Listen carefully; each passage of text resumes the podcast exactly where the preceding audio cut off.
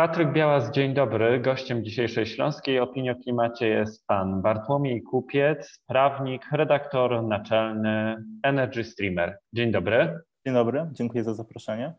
Społeczności energetyczne w państwach członkowskich Unii Europejskiej są próbą transpozycji przepisów unijnych dyrektyw. Społeczności energetyczne powstają na terenie całej Unii Europejskiej, a taniejąca technologia OZE pozwala przeciętnym obywatelom zaangażować się w transformację energetyczną. Pytanie, dlaczego w Europie i na świecie spółdzielnie energetyczne działają, a w Polsce ciągle jeszcze to nie działa? Spółdzielnie energetyczne w Europie mają długą tradycję sięgającą lat 70., gdyż po kryzysie naftowym państwa takie jak Dania, Niemcy lub Belgia zrozumiano, że e, oparcie na paliwach kopalnianych nie jest głównym e, elementem bezpieczeństwa energetycznego, ale należy szukać alternatywnych źródeł energii postawiono na odnawialne źródła energii. Zrozumiano, że centralizacja e, systemu energetycznego nie jest właściwą drogą, lecz jego decentralizacja oraz umożliwienie obywatelom partycypacji w systemie energetycznym oraz demokratyczne współdecydowanie na temat miksu energetycznego państwa oraz lokalnych społeczności.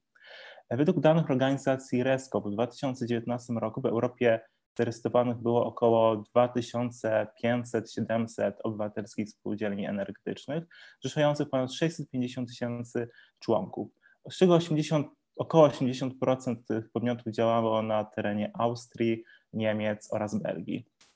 Przede wszystkim zrozumiano, że model spółdzielczy ma wiele, ma wiele korzyści dla lokalnych społeczności. Pierwszy jest to korzyści społeczne, gdyż e, zapewniają one, spółdzielnie energetyczne zapewniają samowystarczalność energetyczną oraz w pewnym momencie jednoczą lokalną społeczność, przeciwdziałają temu właśnie zjawisku alienacji, które występuje w e, społeczeństwach Europy współcześnie i łączy lokalną społeczność wokół jakichś projektów, e, które mają na celu poprawić dobrobyt lokalnej społeczności. Przede wszystkim oczywiście są środowiskowe, czyli redukcja CO2 oraz ekonomiczne, czyli tak naprawdę spółdzielnie energetyczne dzięki temu, że umożliwiają obywatelom inwestowanie w duże instalacje OZE fotowoltaiczne, wiatrowe czy, bio, e, czy biogaz, pozwalają właśnie na rozwój gospodarczy lokalnych regionów oraz możliwość zysku finansowego dla, e, dla udziałowców.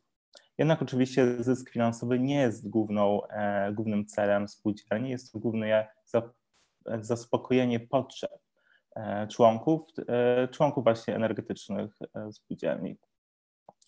Przede wszystkim spółdzielnie mają kilka reguł. Przede wszystkim jest to otwarte i dobrowolne uczestnictwo, Każdy członek, każdy obywatel działający na danym terenie może zostać członkiem spółdzielni, jeżeli oczywiście wypełnia on e, postanowienia statutu oraz warunki przewidziane w tym statucie tej spółdzielni. E, bardzo łatwo można założyć taką spółdzielnię, na przykład w Polsce mogą to założyć 10 osób fizycznych lub 3 osoby e, prawne.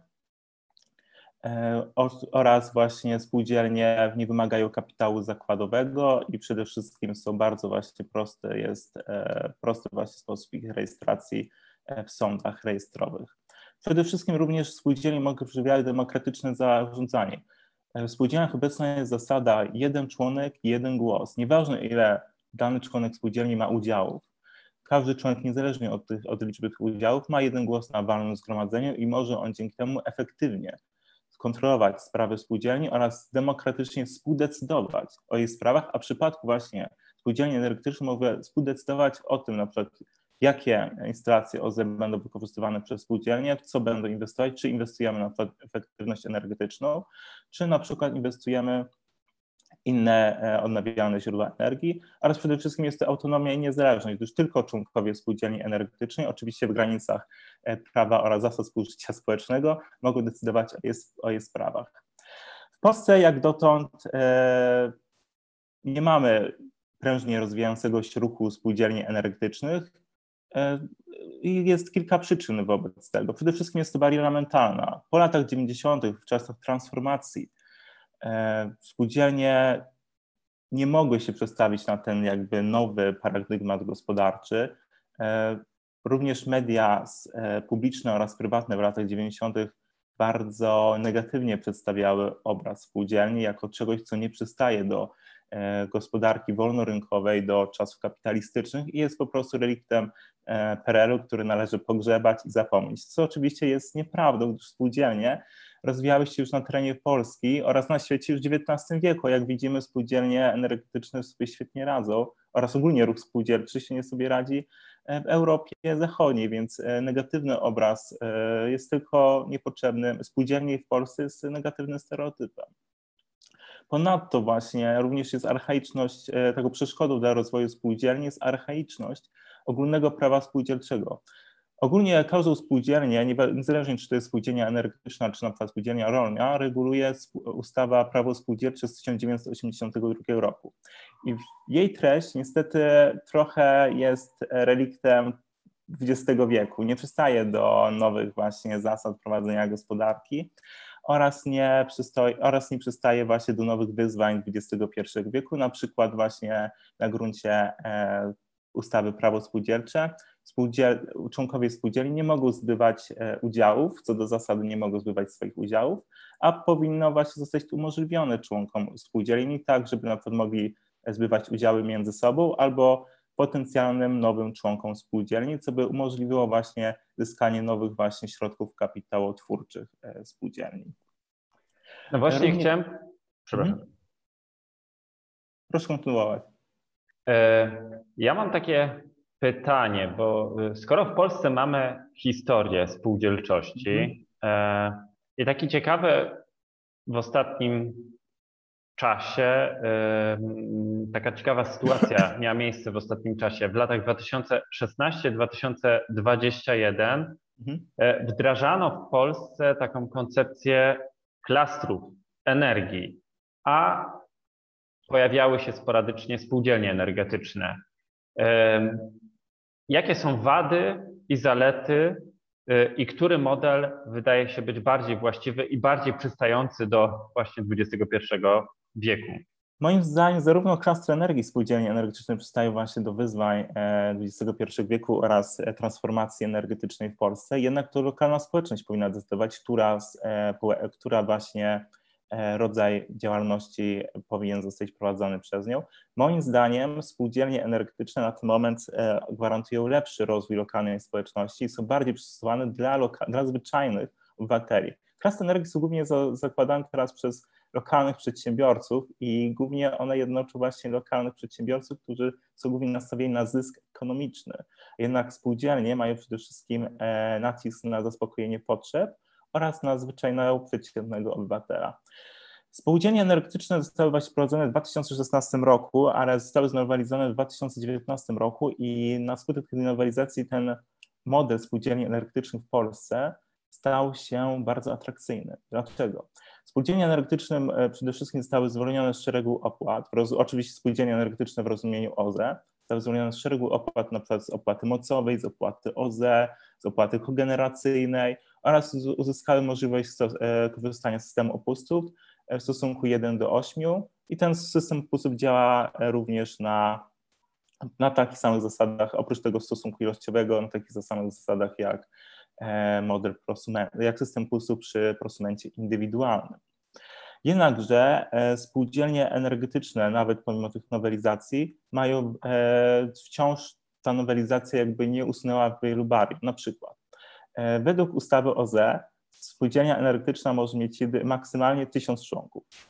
E, nie wiadomo skąd się wzięły takie, taki wymóg, gdyż dyrektywa unijna RED 2 wskazuje, że społeczności energetyczne w jej rozumieniu powinny mieć przede wszystkim umożliwić wszystkim członkom, którzy chcą właśnie brać w niej udział.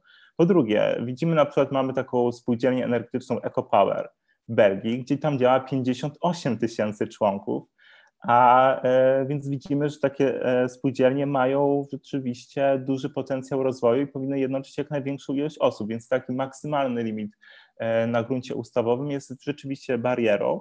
Ponadto ustawodawca uniemożliwił zakładanie spółdzielni energetycznych na terenie miast, gdyż wskazał, że spółdzielnie energetyczne mogą działać tylko na terenie gminy wiejskiej albo gminy miejsko-wiejskiej lub na terenie trzech gmin sąsiadujących, e, bezpośrednio sąsiadujących ze sobą tego typu.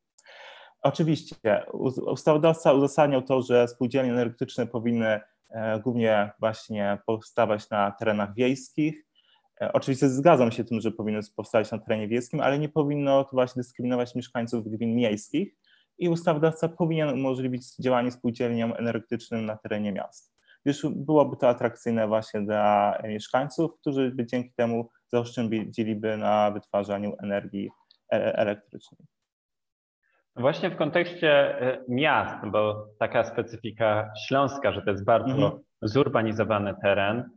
E, no i sam osobiście miałem kilka rozmów z prezesami spółdzielni mieszkaniowych, które chętnie przekształciłyby się czy e, rozszerzyły działalność swojej spółdzielni mieszkaniowej o kwestie związane z zarządzaniem energią, z produkcją energii. Na ile w dzisiejszych mm, e, ramach prawnych jest możliwe funkcjonowanie spółdzielni mieszkaniowej i spółdzielni energetycznej równocześnie. Na ten moment niestety nie ma takiej możliwości, żeby spółdzielnia energetyczna w rozumieniu OZE działała właśnie na terenie miast, więc nie jest to możliwe. Jednak jak chciałem zaznaczyć, spółdzielnie energetyczne oraz rozwój ruchu społeczności energetycznych jest kluczowe dla E, transformacji energetycznej regionów właśnie górniczych, takie właśnie jak jest Śląsk. Dlaczego? Gdyż spółdzielnie energetyczne nie tylko właśnie oferują możliwość wytwarzania energii w ramach instalacji OZE, czy na przykład energii elektrycznej, ciepła lub biogazu, ale przede wszystkim one oferują e, nowe miejsca pracy, nowe e, inwestycje w efektywność energetyczną, zyski finansowe oraz zjednoczenie tej wspólnoty, bo nie oszukujmy się, jeżeli właśnie nie będzie poczucia społeczności pewnej współodpowiedzialności za tę transformację energetyczną na terenie właśnie e, Śląska, oraz że osoby nie będą czuły się jakby włączone w tę transformację energetyczną, no poczuły się wykluczone. A nie możemy na to pozwolić. Powinniśmy jak najwięcej mieszkańców Śląska, którzy właśnie e, mają tradycję, rodzinną tradycję górniczych, właśnie związane z kopalniami, e, z kopalniami właśnie węgro, z kopalniami właśnie węgla, powinny właśnie one być włączone w transformację energetyczną poprzez społeczności energetyczne, takie jak właśnie spółdzielnie energetyczne. E, bo to jest szczególnie widoczny problem e, w przypadku Śląska, gdzie mamy e, dosyć powszechną w miastach zabudowę wielorodzinną. Mhm. Bardzo często to są aż całe osiedla skupione i aż prosi się, żeby na dachach tych wielorodzinnych e, budynków, bardzo często kamienic, e, budować instalacje e, czy to paneli fotowoltaicznych, czy na przykład ogrzewać te, te kompleksy całe budynków przy wykorzystaniu technologii do produkcji ciepła, mam na myśli pompy ciepła albo właśnie biogazownie. Więc aż się o to prosi i pytanie, czy w Polsce w tym zakresie coś się zmienia i czy widać jakieś jaskółki, że ta sytuacja może się zmienić w bliższej albo dalszej perspektywie? Tak, tak. Ruch spółdzielczy e, w zakresie właśnie energetyki zaczyna odżywać. Na przykład mamy pierwszy przypadek zarejestrowania spółdzielni energetycznej w rozumieniu OZE. Została ona zarejestrowana 11 maja 2021 roku w rejestrze dyrektora generalnego KOWR. Działa ona na terenie gminy Raszyn. Na razie ma tylko, z tego co pamiętam, działa, wytwarza ona energię elektryczną e, z mikroinstalacji e, fotowoltaicznej. Jest to mała na razie spółdzielnia energetyczna, ale zaczynają one powstawać, więc jest to bardzo dobry, e, dobry właśnie, dobra jaskółka i zwiastuje to, że ruch spółdzielczy będzie się rozwijał w Polsce, ale przede wszystkim spółdzielnie energetyczne E, będą się rozwijały, jeżeli ustawodawca, tak jak wspomniałem, wprowadzi pewne zmiany. Na razie ustawodawca sprowadza e, zmiany kosmetyczne w aktualnie procedowanej ustawie o nowelizacji ustawy o ZE w Sejmie. E, spółdzielni, są kosmetyczne zmiany dotyczące właśnie spółdzielni energetycznych. Na przykład właśnie ustawodawca stwierdził, że, że członkiem na przykład spółdzielni energetycznej jest tylko ta, ten członek, którego instalacja, instalacja OZE jest przyłączona do danej, do danej sieci dystrybucyjnej oraz wskazał on pewne właśnie e, wskazał on pewne właśnie zasady rozliczenia spółdzielni, ener, e, spółdzielni energetycznych. Jednak właśnie główną przeszkodą dla, e, dla powstawania spółdzielni energetycznych w Polsce jest właśnie brak rozporządzenia, które określałoby szczegółowe zasady wewnętrznego rozliczania się spółdzielni energetycznych, właśnie członków spółdzielni energetycznych między sobą oraz operatorem sieci dystrybucyjnej. E, ustawodawca przedstawił ten projekt e, tego rozporządzenia w 2020 roku, jednak, jednak e, zaniechał prac nad nim i wciąż mamy jedynie projekt i nic się w tym zakresie nie ruszyło. Jednakże ustawodawca dwa tygodnie temu wprowadził właśnie, przedstawił nową nowelizację OZE, kolejną i tym razem przedstawił tak zwane obywatelskie społeczności energetyczne. Jest to koncepcja, która ma właśnie wprowadzić do polskiego porządku prawnego transpozycję właśnie przepisów dyrektywy 2019 na 944 w sprawie wewnętrznego rynku energii elektrycznej. I ta obywatelska ener e, społeczność energetyczna, tak zwane Citizens Energy Community, e, również właśnie jest pewnym rodzajem społeczności energetycznej. W rozumieniu właśnie polskiego ustawodawcy, takie jak on zaproponował brzmienie tych przepisów, obywatelską społecznością energetyczną może zostać spółdzielnia, stowarzyszenie rejestrowe, E, spółka osobowa z wyłączeniem oczywiście spółki partnerskiej oraz, oraz, oraz właśnie spółka z ograniczoną odpowiedzialnością.